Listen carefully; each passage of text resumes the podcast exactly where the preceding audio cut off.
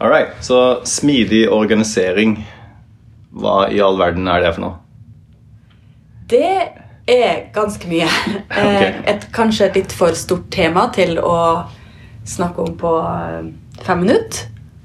Um, men det, første som slår meg, er jo at eh, smidig organisering er jo for de bedriftene som sitter og kjenner på at de ikke henger helt med på hva som skjer i markedet, og har behov for å jobbe hurtigere.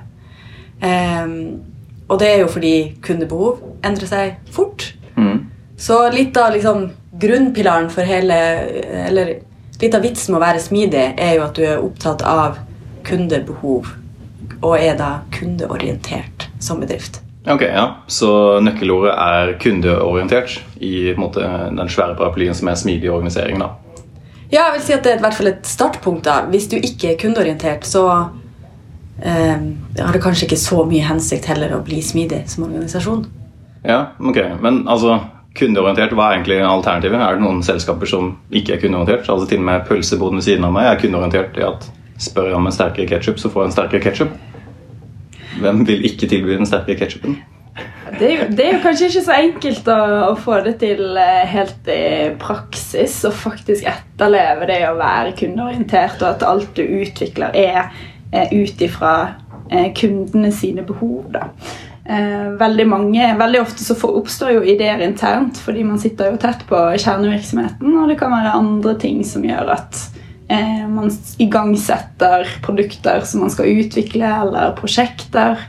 Kanskje noen har en idé om en god teknisk løsning eh, som kanskje vil treffe noen kunder der ute.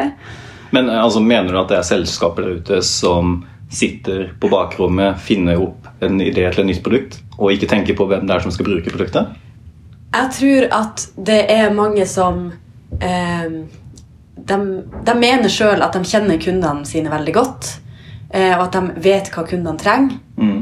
Eh, men så opplever vi jo eh, stadig vekk at idet man faktisk går ut og snakker med kundene, så, så blir kanskje ikke de antakelsene bekrefta, da. Eller det viser seg at det er ikke, behovet er litt annerledes enn det de trodde, da. Så det er litt det her med å eh, faktisk ikke bare anta at kunden ønsker sånn og sånn, men, men hvis du har en antakelse, gå ut og snakk med en kunde. Spør. Og så er ikke alltid at det å snakke med kunden er nok. Um, av og til så fordi at man ikke alltid forstår Eller konteksten de befinner seg i, er nødvendigvis ikke så reell. Eh, så eh, det å få til å faktisk eh, lære i det riktige altså i det riktige miljøet som kunden sitter i, da, og ha hyppige læringssykluser, kan jo bidra til å, å faktisk at man treffer de behovene på en bedre måte. Da. Ofte tar, kan det ta veldig lang tid før tjenestene faktisk er ute i markedet, og man prøver å få eh, selvfølgelig feedback underveis på ulike måter, men eh, ja. Det, okay, ja. Spol litt tilbake. Hva er den måte, syklusen du snakka om? Um, nei, det handler jo om å, å, å lære av kundene i en reell kontekst tidlig, da. Eh, og det å, å skape noe eh, som man da tester og har eh, iterativ Altså eh, lærings, læringssykluser rundt det, da. Mm. Det er jo eh, typisk kanskje to innganger til det. Altså Enten så starter man med at man på en måte har noe kundeinnsikt, eller eh, intervjuer noen kunder, eller har data om eh, atferd til kundene f.eks. Og så lager man et eller annet basert på det, og så tester man det og ser liksom, ok, gir det her noe verdi. Mm. Får tilbakemeldinger. Eller så har man kanskje en idé allerede, og så bare gjør man ikke noe mer innsikt. Man bare lager det og tester det og får innsikt på den måten. da.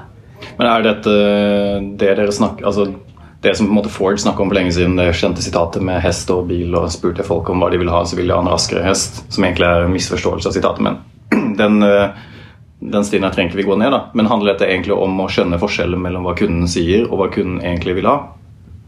Eller handler det egentlig om noe annet, at du sitter der og tror at du vet hva kunden sier eller vil ha, og det handler om å gå ut og faktisk finne Ja, på hva du vil ha? altså mm, Det er kanskje litt begge deler. Altså, det ene er jo at mange sitter og uh, synser internt i en bedrift om hva kundene har behov for og ønsker, uten å i det hele tatt ha snakka med kunden. Og så er det mange som får en aha-opplevelse idet de bare stikker ut og besøker en kunde og ser hvordan de jobber, og uh, snakker med dem om eksisterende produkt f.eks., og liksom får en forståelse av hva er det som, eh, som er liksom en, en pain i arbeidshverdagen, eller hva som oppleves som kjempebra. Eh, så det er liksom den, den ene sida, at mange får en aha-opplevelse der. Eh, og så Det andre handler jo kanskje mer om hvordan man går frem for å forstå et kundebehov. For klart Hvis du bare går og spør eh, Hvis jeg spør eh, Hilde Marie her liksom eh, Hva vil du ha? Altså, hvordan telefon vil du ha? Mm. Så det er vanskelig for henne å på en måte tenke nytt. Hun tenker jo på de alternativene som fins. Ja, jeg vil ha en iPhone eller jeg vil ha en Android-phone fordi bla, bla, bla. Men hun ville kanskje ikke kommet opp med noe helt, helt revolusjonerende. Nå er jeg veldig spent på hva, hva vil jeg egentlig ha? Nei, det må bli eh, Det må være noe into the future. eh, Noe sånn, eh, sånn eh, eh, speil Ja. på badet. Men er jo ingen ville sagt uh, før, uh, før iPaden ble lansert, at de ville ha en iPad.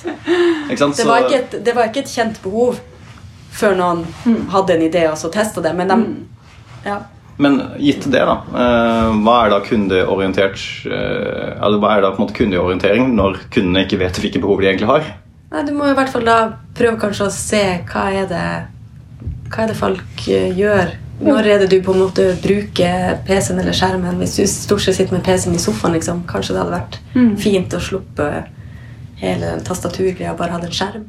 Også det å forstå liksom, Nå tenker jeg det handler om å forstå eh, den effekten man ønsker å oppnå for kunden. Altså, hva er det underliggende behovet? Hva er det egentlig kundene eh, forsøker eller ønsker å oppnå i de kontekstene? da? Eh, og det, eh, ofte er jo det ikke det produktet i seg selv eh, de ønsker å oppnå, eh, men det, det kan være noe større. da. Det litt eh, slitte eksempelet med den eh, vaskemaskinen som eh, Vaskemaskin? Ja, folk, eh, folk kjøper ikke en vaskemaskin fordi de vil ha en vaskemaskin. De vil Eller fordi ha de liker å vaske klær. Noen gjør jo kanskje Ja, ja. det. Men det de ønsker å oppnå, er jo rene klær. Og det kan være flere veier til mål der enn å ha en vaskemaskin hjemme.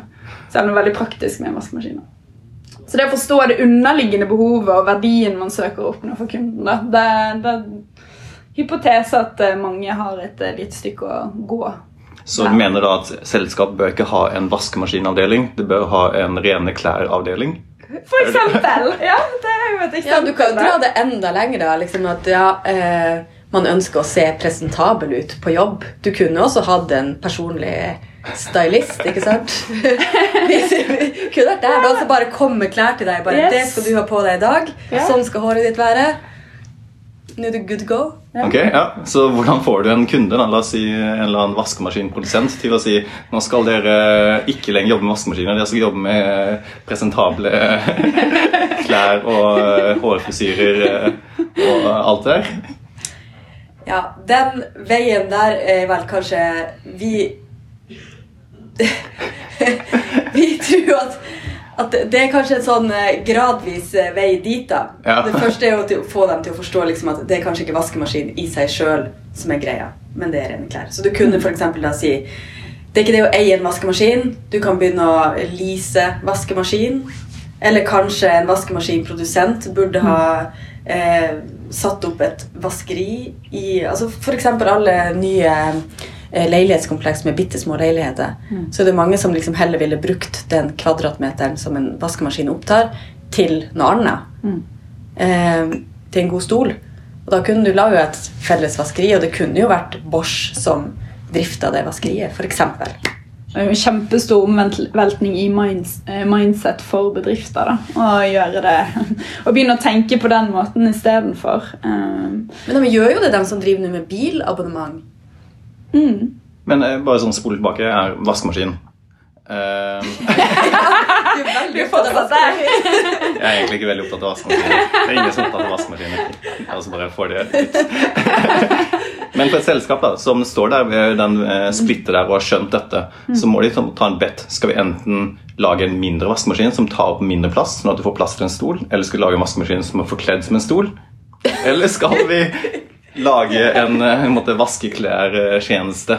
Hvordan tar man det valget?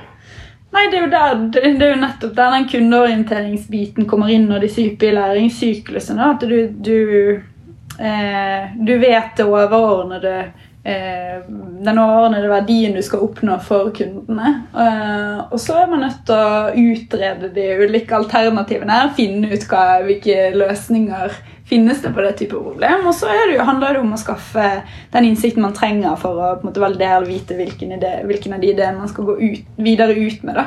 Men da har man det overordnede målet, som er den verdien man skal oppnå for kunden. Og det er det man jobber etter, uansett eh, hvordan bedriften ellers hvilke andre mål bedriften ellers har. Da. Ja, du kunne jo f.eks.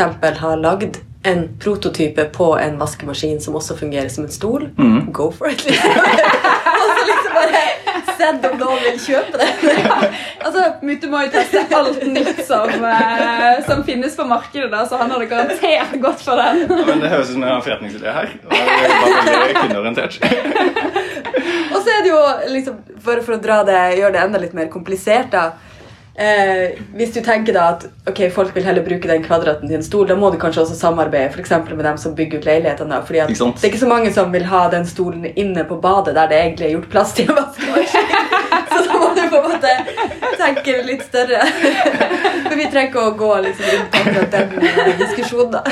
Alright, ok, Så smidig eh, organisering handler om kundeorientering, og kundeorientering handler da om å skjønne det underliggende ekte kundebehovet og snakke med ekte kunder og teste på ekte kunder. Mm. Ja, og Smidig organisering er mye mer enn bare ja, okay. å forstå kundebehov. Det kan vi snakke om eh, ja, senere. Ja. Eh, men, men, det er litt sånn der at hele grunnen til å bli mer smidig er jo for å hele tida forstå kundene sine. Eh, og da må du ha en kundeorientering. Det ligger på en måte i grunnen. Mm. Skjønner. Right. Jeg skal i hvert fall begynne å tegne på en uh, vaskemaskinstol som jeg kan ha i stua.